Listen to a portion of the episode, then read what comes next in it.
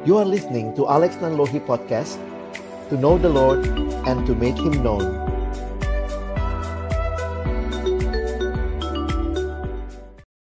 Kami datang dalam ucapan syukur sore hari ini. Sungguh Tuhan Engkau baik dan Engkau menyatakan kebaikan-Mu di dalam hidup kami. Kembali hari ini kami bersama-sama akan belajar kebenaran firman-Mu. Kami mohon ya Tuhan waktu kami membuka firman-Mu Bukalah juga hati kami Jadikanlah hati kami seperti tanah yang baik, supaya ketika benih firman Tuhan ditaburkan, boleh sungguh-sungguh berakar, bertumbuh, dan juga berbuah nyata di dalam hidup kami. Berkati hambamu yang menyampaikan setiap kami yang mendengar, Tuhan tolonglah kami semua, agar kami bukan hanya menjadi pendengar-pendengar firman yang setia, tapi mampukan kami dengan kuasa dari rohmu yang kudus, kami dimampukan menjadi pelaku-pelaku firman-Mu di dalam kehidupan kami. Bersabdalah ya Tuhan, kami umatmu sedia mendengarnya. Di dalam satu nama yang kudus, nama yang berkuasa, nama Tuhan kami Yesus Kristus. Kami menyerahkan pemberitaan firman-Mu. Amin. Silakan duduk. Shalom. Selamat sore teman-teman sekalian. Kita bersyukur buat kesempatan ini. Teman-teman boleh datang dengan berbagai kerinduan tentunya. Dan kita akan memulai sesi demi sesi dengan bicara terlebih dahulu tentang filosofi pelayanan. Saya bersyukur juga akhirnya kembali ke Lampung lagi setelah sekian lama gitu ya. Dulu kalau ingat tempat ini memang sering dipakai juga di dalam red-red-red-red di masa yang lalu. uh, kita akan lihat sama-sama dua hari ini. Saya akan mencoba menolong teman-teman untuk bagaimana bisa menyusun um, khotbah dengan baik. Salah satu biasanya yang jadi ketakutan berkhotbah di dalam training khotbah adalah khotbahnya dievaluasi gitu ya. Jadi saya harap sih teman-teman juga lebih rileks aja. Kita sama-sama belajar. Saya pun sampai hari ini masih terus belajar. Jadi kalau nanti kita akan sama-sama uh, mencoba dengan melatih, saya pikir itu kesempatan yang baik untuk teman-teman juga bisa mengembangkan karena ini adalah skill. Skill itu butuh jam terbang. Jadi kalau masih grogi ya wajar. Yang sudah sering aja masih grogi apalagi yang baru. Jadi jangan takut begitu ya. Kuncinya dalam setiap training ada tiga. Yang pertama latihan, yang kedua latihan, yang ketiga latihan. Jadi nggak siap latihan sebenarnya kalian tidak siap ikut training, kira-kira begitu ya. Nah, saya akan mulai dengan mengajak kita memikirkan tentang filosofi pelayanan dari satu bagian firman. Kita akan melihat dalam 2 Timotius pasalnya yang keempat. Mari sama-sama kita buka bagian ini. 2 Timotius pasal yang keempat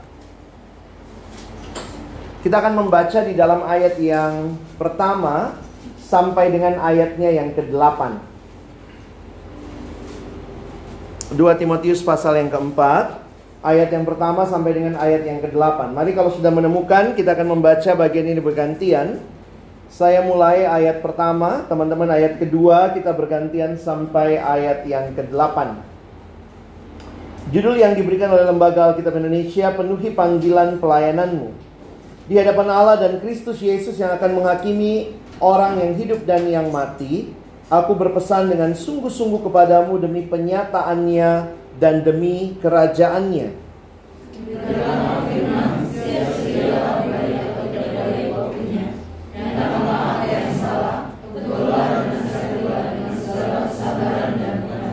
Karena akan datang waktunya orang tidak dapat lagi menerima ajaran sehat tetapi mereka akan mengumpulkan guru-guru menurut kehendaknya kehendaknya untuk memuaskan keinginan telinganya.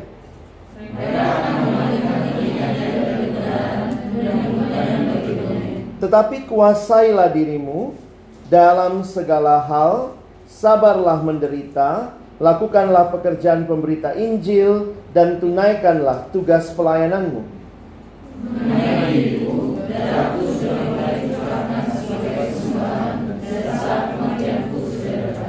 Aku telah mengakhiri pertandingan yang baik, Aku telah mencapai garis akhir dan aku telah memelihara iman.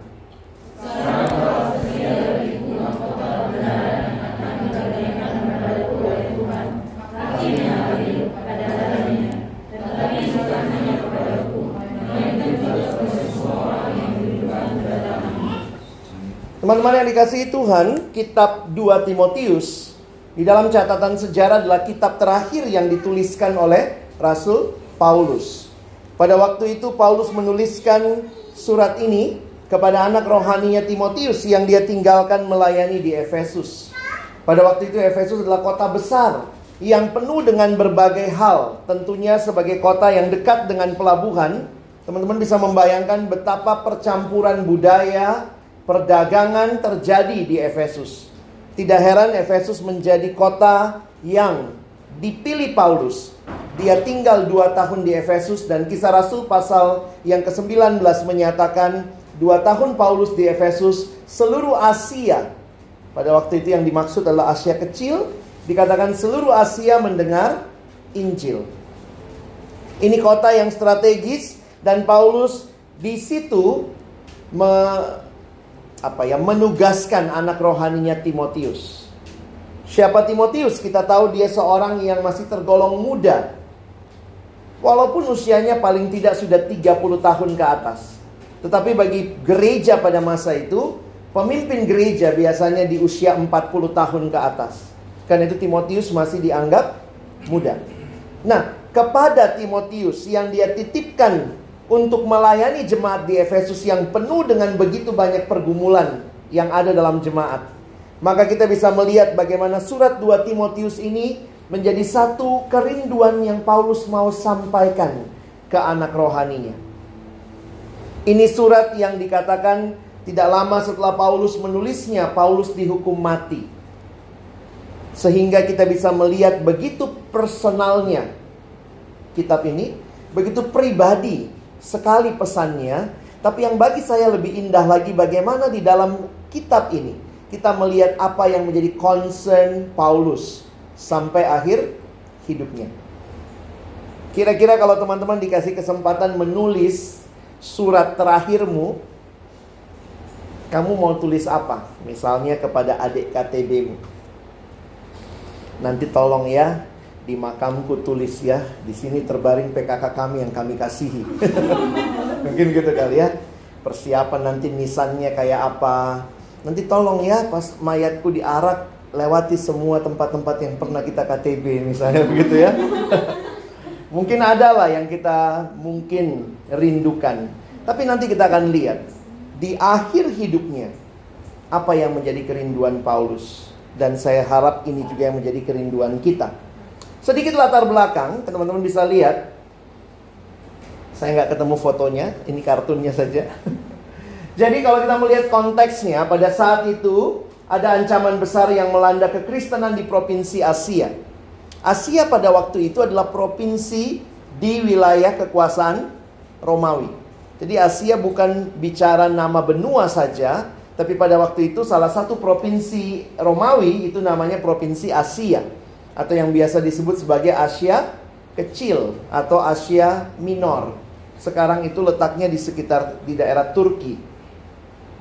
Nah, pada waktu itu Efesus sebagai ibu kota pada kira-kira tahun segini Paulus menuliskan surat 2 Timotius.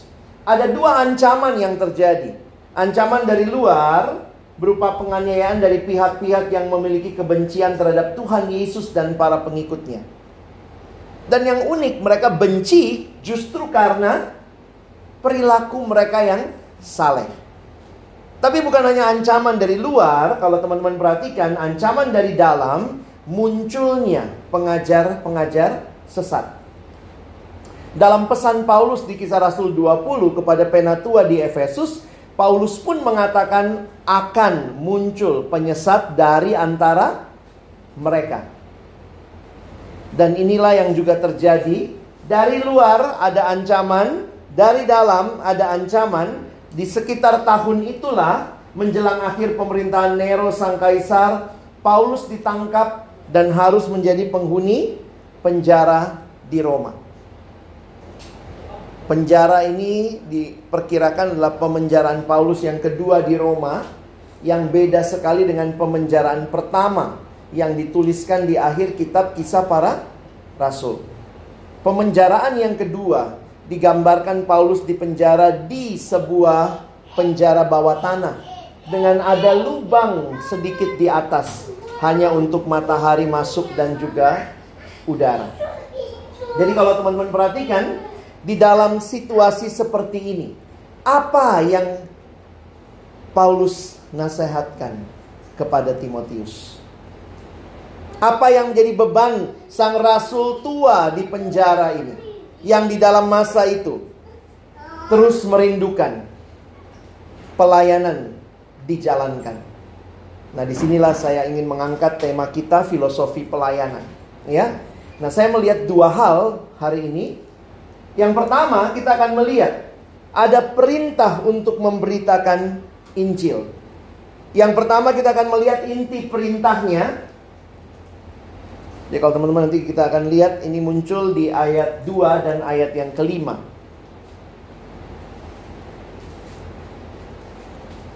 Dan nanti yang kedua, kita akan melihat apa alasan yang Paulus berikan kepada Timotius sehingga perintah itu harus dikerjakan. Ada tiga alasan yang Paulus berikan. Alasan pertama kedatangan Kristus, alasan kedua kondisi zaman, dan alasan ketiga kondisi dari Paulus sendiri. Di sinilah saya melihat luar biasanya Paulus ini kerinduan yang dalam Ketika dia tidak lama lagi, dia tahu hidupnya akan segera berakhir. Dia tahu Timotius menghadapi kondisi yang tidak mudah. Pesan-pesan terakhirnya justru terkait dengan bagaimana Injil harus diberitakan. Injil harus terus disampaikan. Dan perintah ini yang muncul yang kita akan perhatikan sama-sama. Mari kita lihat sebentar ayat 2 dan ayat yang kelima. Teman-teman bisa perhatikan di dalam ayat yang kedua, itu muncul dalam bentuk perintah. Beritakanlah firman. Di dalam ayat yang kelima. Lakukanlah pekerjaan pemberita Injil. Jadi situasi zaman yang tidak mudah. Kalau teman-teman nanti perhatikan Bagaimana Timotius ada di satu situasi yang tidak mudah itu digambarkan di 2 Timotius pasal 3. Coba lihat judulnya. 2 Timotius 3 apa judulnya? Pada akhir zaman. kondisi di mana Timotius melayani yang tidak mudah. Paulus nggak bilang begini, oh Timotius makin sulit pelayanan. Maka cepat-cepatlah pensiun. Enggak ya? Oh corona ini makin susah nih. Kami lagi bergumul sama corona ini di Jakarta ya. Persekutuan tetap ada atau tidak? Karena Anies baru saja meliburkan sekolah di Jakarta dua minggu. Semua ujian nasional ditunda, khusus Jakarta. Karena memang situasinya cepat sekali nambahnya kan. Dari dua, jadi naik berapa? 9, 17, 6, sekarang udah 60-an. Jadi memang harus ada upaya ya, salah satunya lockdown. Tutup semua dulu. Tapi ya, itu pun tidak menjamin. Karena belum tahu siapa aja yang terkena lalu bagaimana tesnya kan masih nggak murah ya. Tes uh, eh, COVID-19 itu katanya tadi pada ngebahas berapa ya harga ini ya? 900 700 sampai 900 ribu untuk tes. Jadi bisa jadi orang itu sudah menunjukkan gejala tapi belum bisa dipastikan karena tes. Tesnya masih harus dites. Kalau benar kena baru pemerintah ganti gitu kali ya. Sementara ini lagi minta juga supaya daerah provinsi bisa melakukan tes. Karena selama ini semua sampel dikirim ke Jakarta. Jadi memang masih sulit sekali. Tapi waktu saya merenungkan ini tadi ya. Dalam situasi yang tidak mudah, maka perintah ini jadi perintah yang penting. Preach the word. Terus beritakan firman. Teman-teman, tidak ada hal yang semakin mudah. Saya pikir tidak. Di tengah situasi seperti ini, mari beritakan firman. Saya saya kagum lah ya, saya bersyukur melihat ada sekian banyak orang yang tentunya bukan cuma mau ikut training ya, siap beritakan firman? Siap. Siap ya. Harusnya begitu ya. Cuma Mbak Yanti nih ya. Mbak Yanti sendiri nanti. saya pikir iya ya. Apa sih yang menjadi concernnya Paulus menjelang akhir hidupnya. Concernnya adalah bagaimana Injil diberitakan. Kalau teman-teman perhatikan, sebenarnya ada beberapa situasi yang dia sampaikan. Siap sedialah, semua bentuknya di dalam kalimat perintah atau bentuk perintah imperatif. Siap sedialah, nyatakanlah, tegorlah, nasihatilah di dalam menyampaikan firman ada berbagai aspek yang meliputinya. Firman itu dalam berbagai bentuk begitu ya.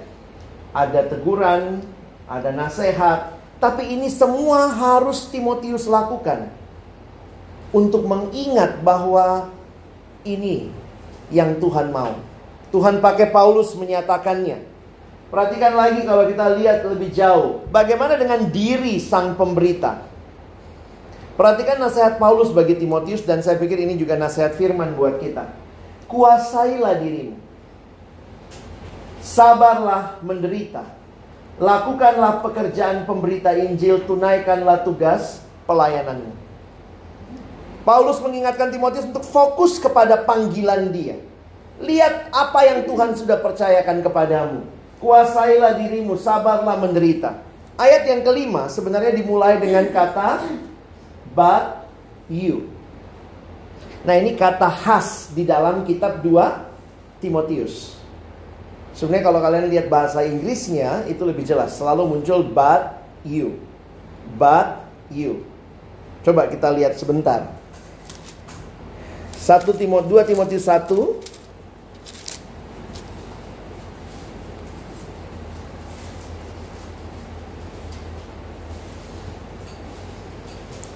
Nah, teman-teman coba perhatikan. Oh sorry, kok saya bilangnya 2 Timotius 1 ya 2 Timotius pasal yang kedua Ayat 1 Apa bentuknya di situ? Dia pakai kata sebab itu Tapi kalau kalian lihat terjemahan yang lain Misalnya coba cek di NIV New International Version dipakai kata But you then my son. Maksudnya apa? Coba lihat cara Paulus nulis ya. Jadi di tengah-tengah misalnya lihat pasal 1 ayat yang ke 15. Engkau tahu bahwa semua mereka yang di daerah Asia kecil berpaling dari padaku, termasuk Figelus dan Hermogenes. Bayangkan Orang-orang yang tadinya mungkin bersama dengan Paulus meninggalkan Paulus karena jangan lupa Paulus lagi ada di penjara. Masih mau ikut nggak gerakan ini misalnya? Perkantas, eh, Beni, maaf, Bang Beni di penjara, pimpinannya. BPC-nya, ketuanya, Mbak Yanti di penjara. Terus kita masih ikut. Oh, saya perkantas. Oh, yang di penjara itu. Makanya lihat, tim Figelus dan Hermogenes meninggalkan Paulus. Nah, perhatikan setelah situasi itu tiba-tiba pasal 2 ayat 1. But you. John Stott menafsirkannya begini. Di tengah-tengah situasi yang tidak mudah, ada orang yang meninggalkan Paulus seolah-olah kalimat ini, dua kata ini, but you seperti telunjuk Paulus lagi menunjuk kepada Timotius. But you, you are different. Kau beda. Semua begini. But you, kamu beda. Dan itu ber, berulang kali muncul mengingatkan bahwa Timotius dipanggil untuk hal yang berbeda. Muncul lagi di mana? Coba lihat di pasal 3. Di pasal 3, teman-teman bisa lihat itu di dalam ayat yang ke-10. Jadi sebenarnya itu munculnya juga but you. Ya. Tetapi engkau, ini pas nih terjemahannya. Kalau tadi kan terjemahannya sebab engkau. Makanya kalau kita bisa bandingkan terjemahan itu menolong. Di sini but you telah mengikuti. Ini lagi dibandingkan sama siapa? Lihat atasnya. Ya, ada perempuan-perempuan yang mengikuti ayat 8. Sama seperti Yanes Yambres menentang Musa, demikian juga mereka menentang kebenaran, akal mereka bobrok dan iman mereka tidak tahan uji. Ini guru-guru palsu. Dan lihat dia masuknya ke mana ayat 6. Sebab di antara mereka terdapat juga orang-orang yang menyelundup ke rumah-rumah orang-orang lain dan menjerat perempuan-perempuan lemah dan syarat dengan dosa dan dikuasai oleh berbagai-bagai nafsu. Yang walaupun selalu ingin diajar, namun tidak pernah dapat mengenal kebenaran. E, ada hal yang unik ya pada masa itu penyesat itu biasanya masuknya ke rumah lewat ibu-ibunya. Bapaknya kerja, istrinya waktu itu maaf perempuan pada waktu itu kan tidak begitu terpelajar tapi itulah ya agent of change selalu perempuan kalau kalian kerja di LSM udah ngerti lah ya mengubah sesuatu harus lewat ibu jadi beberapa LSM melayani anak supaya anak dekat sama mama mama berubah keluarganya berubah nah waktu itu penyesat itu masuk lewat perempuan-perempuan yang di rumah Nah, karena itu Paulus ngomong, "But you, Timotius, kamu bukan demikian. Kamu berbeda." Makanya perhatikan ayat 10, "Kamu telah mengikuti ajaranku, cara hidupku, ada tujuhku di situ. Pendirianku, imanku, kesabaranku, kasihku dan ketekunanku." Lalu muncul lagi di ayat 14. Tetapi hendaklah engkau. Sebenarnya terjemahan aslinya juga but you. Harusnya tetapi engkau. Itu bahasa bahasa Yunaninya mirip kayak bahasa Batak. Ya, walaupun beda ya. Benar, Be? Apa bahasa Bataknya? Itu dua kata, sude. Sude, itu maksudnya itu but you. Kalau orang Batak baca sude, ih, sude. ya. Nah, satu lagi muncul di situ. Ayat yang ke lima. Ya, ayat yang kelima tadi. Tetapi engkau. Jadi Paulus lagi bicara begitu. Makanya saya bilang teman-teman harus hayati ya. Ini surat buat siapa? Timo, Timotius. Jadi kalau kita tarik bagi aplikasi kita sekarang, ingat juga kalau kita dipanggil untuk memberitakan kebenaran seperti Timotius, but you Timotius kuasai dirimu. Sabarlah menderita Melayani itu nggak mudah. Nyiapin khotbah gampang? Udah nyiapin, nyampeinnya gampang. Dengar evaluasi lebih nggak gampang lagi. gitu ya, lebih. Jadi sabar memang dibutuhkan ya.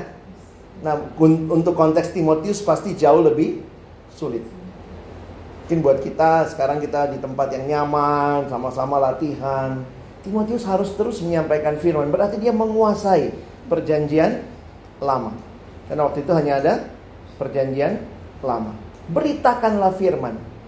Itu yang Paulus bilang di pasal sebelumnya kan? Coba lihat pasal 3 ayat 16. Coba baca. Satu, dua, iya. Segala tulisan yang diilhamkan Allah memang mengajar untuk menyatakan kesalahan, untuk memperbaiki kelakuan dan untuk mendidik orang dalam segala tulisannya yang mana? Ya tentu perjanjian lama karena waktu itu belum ada perjanjian baru. Sekarang kita menghayati itu termasuk perjanjian baru. Nah, jadi menarik nih. Paulus ingatkan, lakukanlah pekerjaan pemberita Injil. Tunaikanlah tugas pelayanan. Lakukan itu. Tunaikan itu mengkaitkan dengan pengabdian kepada tugas itu. Sehingga John Stott berusaha menyimpulkan dengan menarik. Kalau teman-teman perhatikan ya, lihat nggak ini tadi? Siap sedialah berkaitan dengan apa? Waktu. Siap sedialah karena ada kesempatan beritakan Injil, ada kesempatan beritakan Injil. Sekarang sih agak beda ya, pembicara tunggu diundang kan? Ini tunggu undangan semua nih. Atau memang begini, sebelum rapat, adik-adik saya rindu bagikan sesuatu, pakai kesempatan itu. Kadang-kadang rapat langsung masuk rapat, aduh dana kurang begitu ya. Tapi mungkin kita dalam perenungan kita akan firman, latihan lah misalnya dari saat teduhmu, coba buat jadi khotbah. Mana tahu ada kesempatan, beritakan. Ada teman lagi punya pergumulan, maka apa yang kita pernah persiapkan, mungkin PA-PA pribadi kita, belajar tuliskan itu jadi khotbah yang singkat. Sehingga kita bisa sampaikan itu dengan baik. Siap sedialah. Nyatakanlah. Tegurlah. Tegurlah berarti ada yang ada yang salah. Sebagaimana dikatakan tadi, firman Tuhan bermanfaat untuk memperbaiki, menyatakan kesalahan, memperbaiki kelakuan. Makanya saya bilang tadi ya, John Stott menyimpulkannya begini.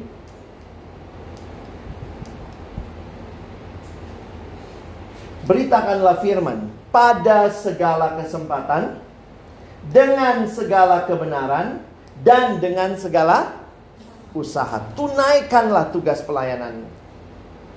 Jadi bagi saya ini yang saya pikir harusnya jadi filosofi kita yang mau belajar berkhotbah. Mau belajar menyampaikan firman.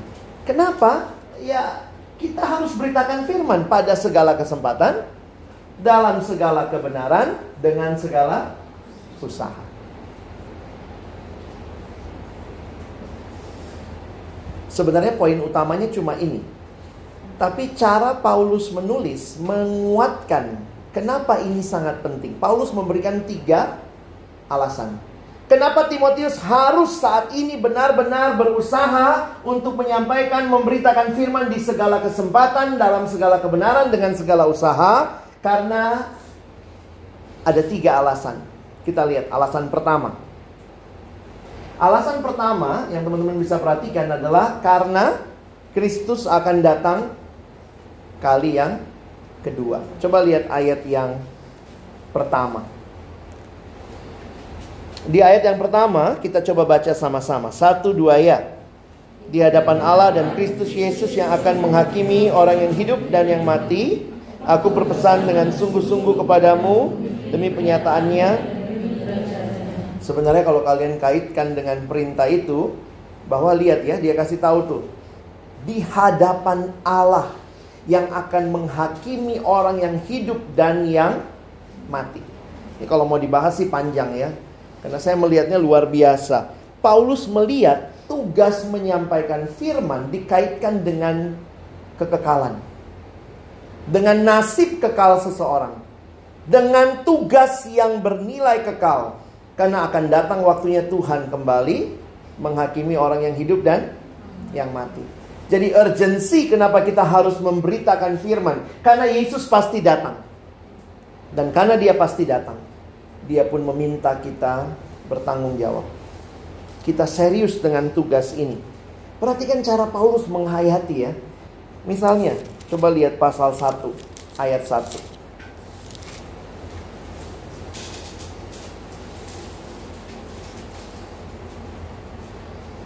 Dari Paulus, Rasul Kristus Yesus oleh kehendak Allah untuk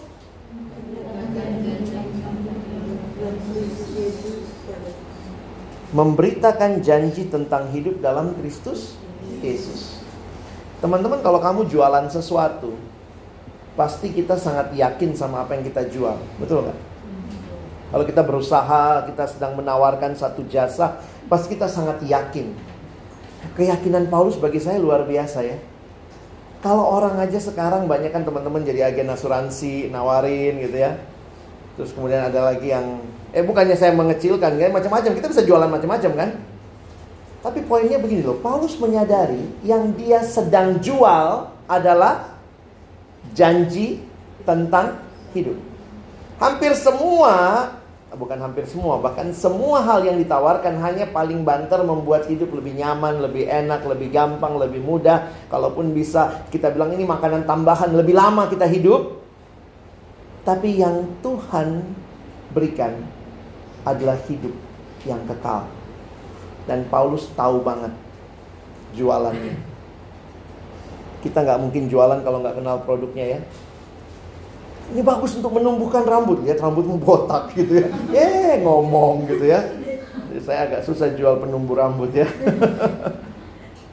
Jadi waktu saya menghayati dia tahu Kristus akan datang kedua kali dan kedua kali dia tidak datang sebagai bayi mungil, dia datang sebagai hakim dan raja. Kenapa hakim? Karena semua kita akan dihakimi oleh dia dan dia akan meminta pertanggungjawaban. Dia raja karena istilah ini yang muncul.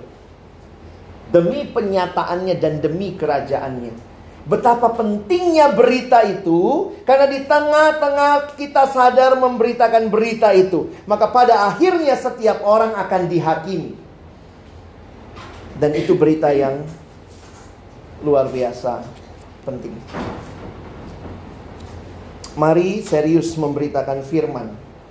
Kalau teman-teman nanti kita sama-sama gali firman, lalu kemudian kita siapkan, kita bagikan, kita susun khotbah dengan baik. Kenapa? Kita sedang memberitakan janji tentang hidup. Karena setiap orang akan bertanggung jawab di hadapan Allah. Jangan berpikir, oh khotbahku nanti lebih bagus dari khotbah si Anu begitu ya. Kita nggak lagi kelas khotbah, maaf ya, itu di STT kali ya. Di STT ada nilainya, di sini bukan masalah nilai. Ini bicara tentang kamu mengerti bahwa ini janji tentang hidup. Kamu perlu beritakan, kamu perlu kemas dengan baik supaya orang dengar dan dia ketemu dengan Kristus dan dia mengalami perjumpaan pribadi. Karena itu buat saya kefasihan bicara satu hal. Tapi sisi lain adalah hati yang berkobar-kobar. Mengerti betul pesan ini. Beberapa pembicara-pembicara yang hebat dalam sejarah salah satunya misalnya apa ya? Ini entah benar apa tidak ya, tapi kalau saya tidak salah ingat nanti bisa dicari di sejarah ya. Yohanes Calvin yang kita kenal Calvin ya, dia tuh khotbahnya biasa aja. Karena dia sangat eksposisi gitu ya, dia jelasin ayat demi ayat. Bahkan beberapa orang ngomong Calvin itu kemungkinan agak gagap. Uh, uh, uh, uh, kalau ngomong gitu ya, ada ada ininya gagapnya. Tapi kenapa begitu luar biasa? Saya pikir Tuhan pakai dia ya. Salah satunya yang bersyukur karena katanya dia gagap, maka ada catatan khotbahnya. Coba kalau dia ngomongnya lancar kali ya, susah yang nyatet kan, ulang-ulang, nggak bisa kan? Justru karena dia gagap ada catatan kita terhadap ayat per ayat yang dia bahas gitu ya. Karena kan dia sambil ngajar ya. Terus ada satu orang lagi yang terkenal yang namanya um, Jonathan Edwards. Itu khotbahnya mohon maaf lah ya. Itu khotbahnya kayak ini kalau bicara mohon maaf ya, uh, gereja-gereja tradisional yang dibaca teksnya tapi karena dia persiapan dengan luar biasa dan itu Tuhan pakai dalam kebangunan rohani pada waktu itu. Ketika Jonathan Edwards berkhotbah dan khotbah yang terkenal itu sinners in the hand of angry God. Orang berdosa di tangan Allah yang murka itu naskahnya ada kalian bisa go online gitu ya banyak yang menuliskan ulang gitu ya apa yang dia khotbahkan waktu dia khotbahkan itu Roh Kudus bekerja luar biasa orang tuh sampai terjadi kebangunan rohani yang besar banyak orang yang sampai meluk tiang gereja. Kenapa? Saking takutnya dengan murka Allah dan mereka datang bertobat. Kan kita membayangkan ya, kalau baca misalnya, wow orang sampai bertobat, datang peluk tiang gereja saking ketakutan dengan murka Allah. Mungkin kamu bayangkan dia pasti khotbahnya kayak siapa? Stephen Tong kali ya. Berkobar-kobar, bertobat gak kau? Bertobat gak kau? Mati kau Tuhan. Dia pakai istilah ya yang di kitab Yesaya, kamu itu cuman kayak laba-laba yang lagi dipegang begini, dilepas begini sama Tuhan, hancur kamu.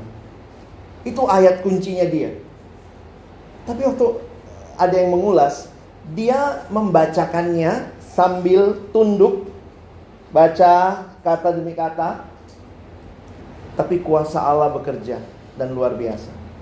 Nah ini bukan alasan kalau gitu saya nggak saya juga nanti baca aja lah gitu ya bukan alasan buat kita untuk tidak mengembangkan diri berkhotbah dengan baik, tapi saya mau katakan bahwa yang paling penting bukan sekadar skillmu tampil di depan orang.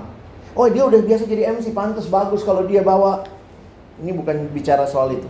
Ini bicara soal kamu sendiri yakin berita itu, kamu alami berita itu mengubah hidupmu, dan karena itu kau pergi dan tahu satu waktu nanti semua orang akan mempertanggungjawabkan di hadapan Tuhan. Jadi kalaupun nanti kita latihan bukan supaya kelihatan bagus semata-mata. Latihan kita adalah supaya kita makin dipakai Tuhan membawa berita itu. Yang kedua, di ayat 3 sampai 4. Coba lihat ayatnya di atas. Paulus mengatakan akan datang waktunya orang tidak dapat lagi menerima ajaran sehat.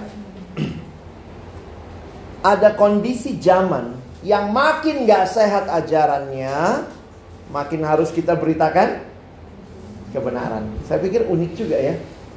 Makin gak sehat ajarannya ya harusnya kita berhenti aja lah. Kita pergi ke gunung-gunung, kita lah orang benar begitu ya. Makin gak sehat ajaran itu makin harus diberitakan. Makin hancur kondisi zamannya makin dia butuh berita itu.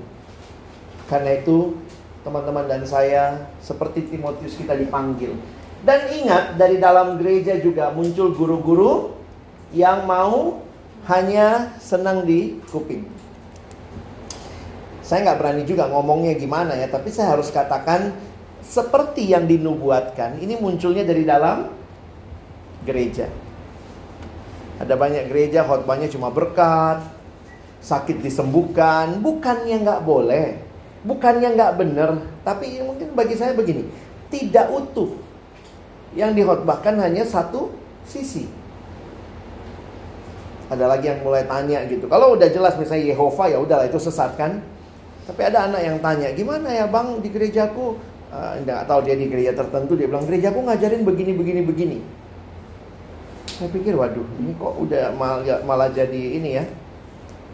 Berikan persembahan saudara Tuhan akan berkati berlipat kali ganda. Kalau kita kasih persembahan didorong motivasinya supaya dapat berkat, kamu lagi ngasih persembahan atau investasi? Kalau mau invest jangan ke gereja dong. Noh ke siapa? Ada perusahaan investasi kerja menjalankan uang gitu ya? Ya jelas lah. Gitu kan? Jadi waktu saya melihat iya ya, ini memuaskan telinga. Mereka akan memalingkan telinganya dari kebenaran dan membukanya bagi dongeng. Salah satu ajaran sesat yang diperkirakan muncul di masa-masa Paulus adalah yang namanya Gnosticism. Walaupun kira-kira pada tahun 64 ini masih Gnostik awal. Ternyata salah satu adalah yang mereka suka lakukan adalah dongeng-dongeng sama silsilah-silsilah leluhur. Ya, Marta Rombo. Tapi Marta Rombo versi orang itu, ya. Kenapa? Mereka selalu cari siapa yang di atasnya dan katanya gini. Jadi mereka gnostik itu adalah punya pengetahuan rahasia. Orang tuh selamat karena dia punya pengetahuan rahasia. Nah, itu yang mereka ajarkan. Karena itu mereka suka dengan dongeng-dongeng, cerita-cerita yang membawa mereka masuk kepada kerahasiaan itu. Nah, Paulus bilang enggak, Injil itu jelas buat semua orang, bukan hanya buat kalangan tertentu. Ini ada gambar kartun ya, bahasa Inggris nih, tolong Miss di di My ears itch dog, kuping saya gatel dokter. I keep wanting people to tell me how nice I am. Jadi ayo dong bilang aku cantik, aku manis, aku ganteng gitu ya. Nah kadang-kadang gereja bisa jadi masuk ke dalam hal seperti ini. Karena itu hati-hati. Kondisi zaman. Belum lagi cara pandang yang tadi kita bicarakan ya. Kalian bisa lihat nih. Semua ini pasti ada hal yang di bawah dalam pengaruh. Ketika orang melihat yang namanya sukses itu dari materi, maka dilihat berapa banyak materi, uangnya, berapa banyak harta.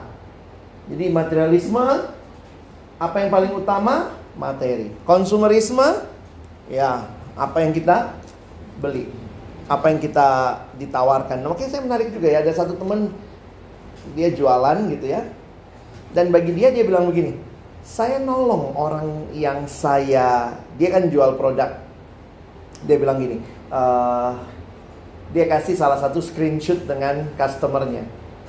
Dia bilang, saya pun sadar saya tidak boleh mendorong orang jadi konsumerisme. Karena itu biasanya kalau orang nanya, dia akan tanya lagi supaya orang itu bisa ketemu apa produk yang memang pas yang dia butuhkan. Karena kan biasanya kalau tanpa kita sadar ya kalau jualan maunya ya udahlah semua laku gitu yang yang nggak laku pun kita bikin ini bagus juga loh gitu ya ini bagus juga lo buat tetanggamu gitu. Akhirnya beli juga gitu ya. Tapi saya pikir iya ya, dia tahu nih. Ada prinsip-prinsip yang harus dijaga. Hedonisme yang paling penting adalah kesenangan. Pragmatisme. Nah, ini banyak nih anak-anak pragmatis ya.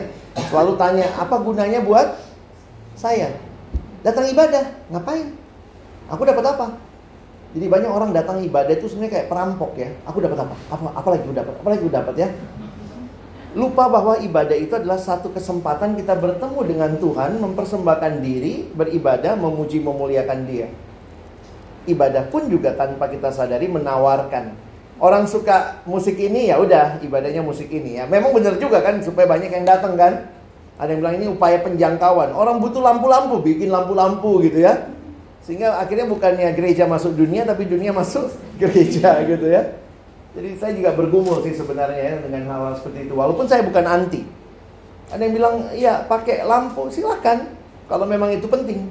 Tapi kalau pakai lampu demi sekedar memacu emosi orang begitu ya. Walaupun memang ada ada sisi emosional yang saya pikir disentuh, tapi ingat kunci utamanya orang harus berjumpa dengan Tuhan, bukan berjumpa sama lampu.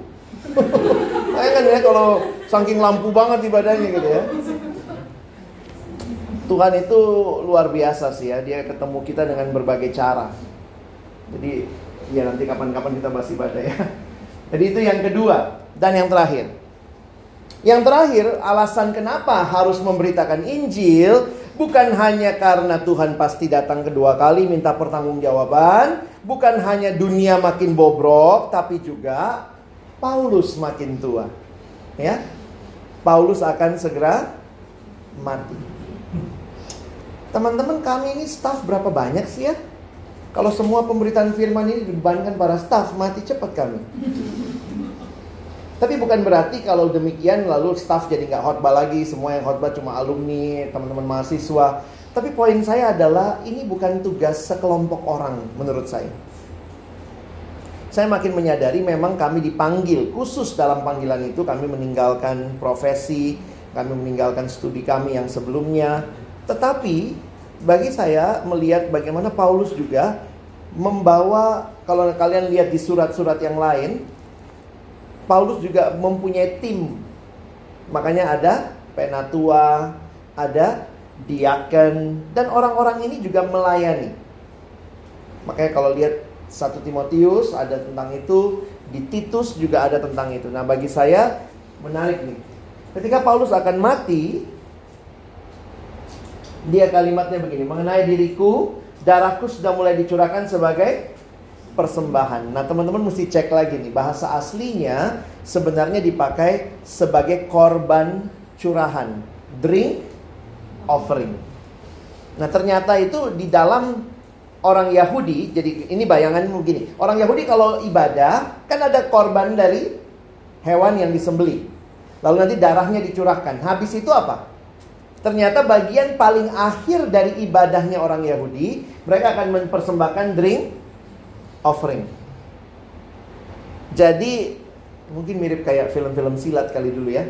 Kalau udah terakhir gitu dia di depan ini dia ambil ini terus kemudian set disiram begitu ya.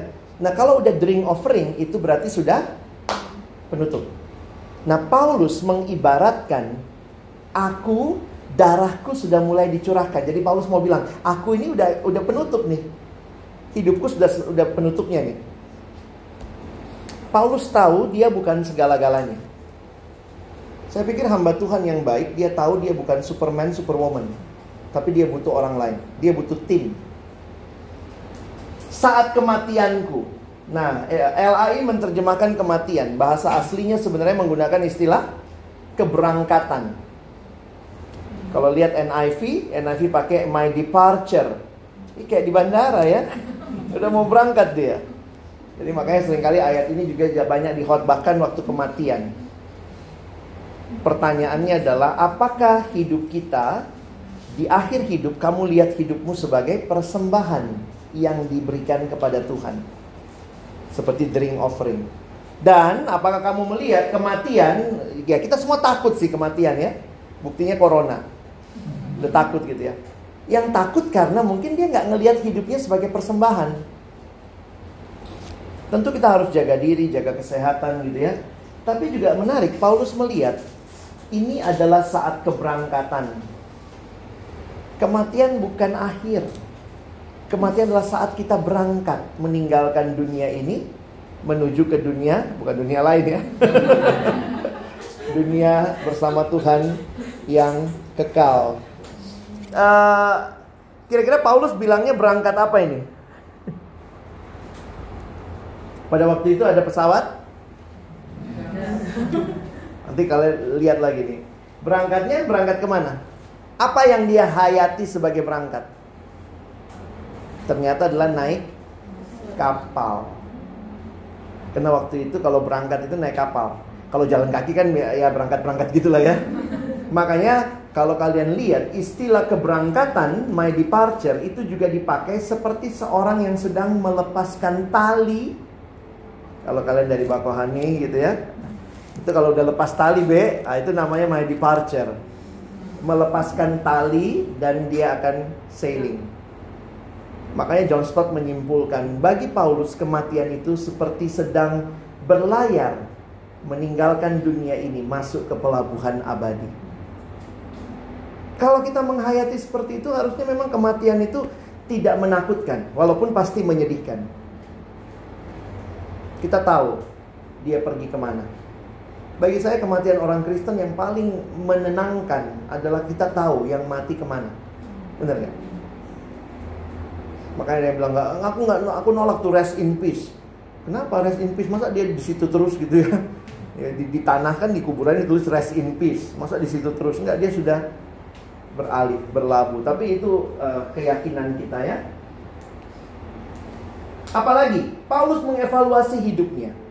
Ada tiga evaluasi yang dia berikan di ayat selanjutnya. Aku telah mengakhiri pertandingan yang baik. Aku telah mencapai garis akhir dan aku telah memelihara iman. Paulus ini banyak sekali pakai gambaran figuratif. Makanya kita perlu misalnya menggali, mengerti bahasa aslinya. Ini dia pakai istilah dalam perlombaan lari maraton. Jadi Paulus itu sedang apa ya? E, pernah lihat nggak yang lari maraton itu ya? Bukan video yang lucu-lucu itu, ada juga yang video lucu-lucu itu kan yang lari terus dia lari ke arah yang berbeda itu anak kecil kan? Lihat berapa hari yang lalu tuh viral lagi. Tapi yang menarik waktu orang lari maraton ketika mau diteruskan teman-teman bisa lihat kan? Keduanya lagi berlari. Iya kan? Estafet ya mau diteruskan kan? Dia, dia ikut lari begini-begini kan? Nah itu gambaran yang bagi saya Paulus berikan juga kepada Timotius. Kayak Paulus bilang ini Timotius waktuku sudah mau selesai I'm almost through, son. You'll have to carry on now. Passing the torch. Ini yang perlu kita hayati. Tentu ya, ini karena masih muda-muda lah ya. Nggak ada yang bakal mati duluan mungkin. Ayo, sekarang kau lah yang beritain firman dek. Udah terakhir waktuku nih. Tapi saya melihatnya lebih kepada uh, kita butuh tim. Bukan hanya staff, tapi teman-teman juga Bayangkan kalau kampus, sekolah, kadang-kadang kalau di Jakarta juga bingung gitu. Sekali hari Jumat, itu kan semua bikin kebaktian. Terus siapa aja pembicaranya? Kalau staf misalnya 15, sekolahnya ada 20, kampusnya ada 30, kantornya ada sekian puluh. Jadi berarti apa yang lain PA? PA pribadi, PA kelompok. Oh ada lagi dari gereja, puji Tuhan ada tim lagi, ada lagi dari ini. Tapi saya pikir nanti mungkin kita harus keluarkan list. Jadi kasih ke kampus ini ya yang bisa diundang. Di situ ada nama staff dan mungkin ada nama-nama alumni yang sudah ikut training. Nah ini bisa nih. Tentu ditanya dulu, kau siap nggak dek namamu disebar? Jumat bisa keluar nggak? Kantorku biasanya hari Jumat uh, kosong sih bang sampai jam segini. Oh boleh dong ke kampus sebentar misalnya gitu ya. Bagi saya saya mau highlight satu bagian ya. Ini bagi saya menarik nih. Aku telah mengakhiri pertandingan yang baik. Apa bedanya kalau dibilang begini? Aku telah mengakhiri pertandingan dengan baik dan aku telah mengakhiri pertandingan yang baik. Ternyata saya udah cek Inggrisnya bahasa aslinya sama. Aku telah mengakhiri pertandingan yang baik. Bukan aku telah mengakhiri pertandingan dengan baik. Kalau aku telah mengakhiri pertandingan dengan baik, siapa yang baik? Akunya. Kalau aku telah mengakhiri pertandingan yang baik, apanya yang baik? Pertandingan. Pertandingannya. Jadi saya melihat ya, ingat loh, Paulus lagi di dalam penjara. Timotius melihat orang yang meninggalkan Paulus mungkin ada juga di hati kecilnya malu. Ya ampun, bosku masuk penjara. Tapi dari akhir surat ini, nadanya seperti nada kemenangan, bukan nada kekalahan. Saya lagi bayangkan dari penjara itu. Paulus waktu menulis, Paulus lagi bilang sama Timotius, Timotius saya tidak salah pilih pertandingan. Kau lihat saya mati di penjara. Atau kau lihat saya lagi di penjara. Tapi saya tidak salah pilih pertandingan. Dalam hidup hati-hati, kamu salah pilih pertandingan. Tapi pertandingan yang memang ini pertandingan yang baik. Jadi bukan berakhir di mana hidupmu menyatakan baik atau tidak. Bisa jadi kau meninggal dunia dengan sangat indah di rumah sakit paling mewah, seribu suster mengelilingimu. Tapi kau mati sebagai koruptor. Kau bisa bayar semua itu. Tapi ketika engkau mati di dalam kehendak Tuhan, melakukan panggilan Tuhan, bahkan di penjara yang paling dalam, saya menghayati kalimat Timot, kalimat Paulus. I have fought the good fight. Saya telah mengakhiri pertandingan yang baik. Paulus lagi bilang sama Timotius, Timotius, saya tidak salah pilih pertandingan. Teman-teman, kalau kita mengevaluasi hidup kita nanti, kira-kira evaluasinya apa? Berapa besar rumahku? Berapa banyak hartaku? Sudah punya kendaraan sendiri? bisa liburan ke luar negeri, sudah punya berapa anak. Kadang-kadang itu menjadi evaluasi-evaluasi kita secara tidak sadar. Saya tidak menolak semua itu, itu karunia Tuhan. Kita dapat harta, kita dapat keturunan, kita dapat fasilitas, itu semua anugerah Tuhan. Tapi ingat baik-baik,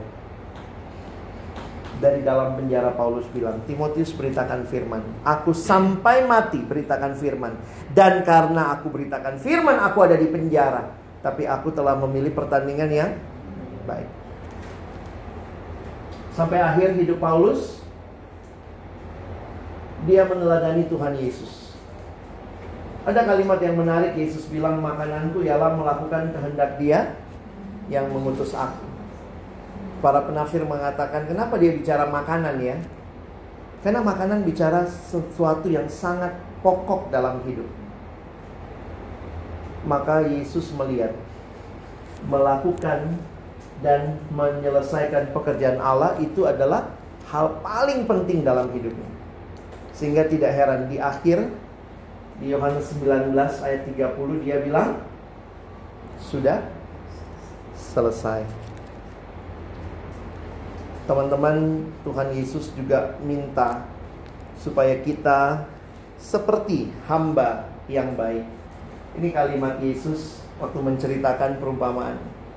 Maka kata Tuhannya itu kepadanya, baik sekali perbuatanmu itu, hai hambaku yang baik dan setia. Yang dibutuhkan bukan yang kaya, yang uh, hambaku yang uh, banyak fasilitasnya, yang apa, tapi yang yang baik dan setia. Saya tutup dengan kalimat ini ya. How can you finish well? Bagaimana kita bisa menyelesaikan sampai akhir? Kalau kita pegang betul filosofi pelayanan ini, Injil harus diberitakan, Tuhan pasti datang kembali, kondisi dunia makin hancur, makin butuh firman disampaikan, generasi harus berlalu, tidak selamanya bisa terus di situ. Ada orang yang menggantikan tidak ada yang single fighter, semua butuh tim. Maka pertanyaan ini jadi penting buat kita. Banyak orang yang memulai dengan baik, tapi hanya sedikit yang menyelesaikan sampai akhir dengan baik. Kiranya kita juga yang mengerti filosofi pelayanan ini, ini mewarnai dua hari kita di sini. Kita tidak sedang habiskan waktu dapat tugas atau terjebak di sini ya dua hari ya tapi ya nikmatilah ini jebakan Tuhan ya Bukan jebakan Batman Karena begitu pentingnya Injil harus diberitakan Tuhan panggil kalian Untuk ikut diperlengkapi membangun kerajaan. Amin. Mari kita berdoa. Saya beri kesempatan secara pribadi teman-teman meresponi dalam doa pribadi. Sebelum saya tutup di dalam doa, apa pun yang Tuhan ingatkan, Tuhan tegur, Tuhan teguhkan. Mintalah daripada Tuhan yang punya pelayanan ini, hati yang melayani sebagai hamba.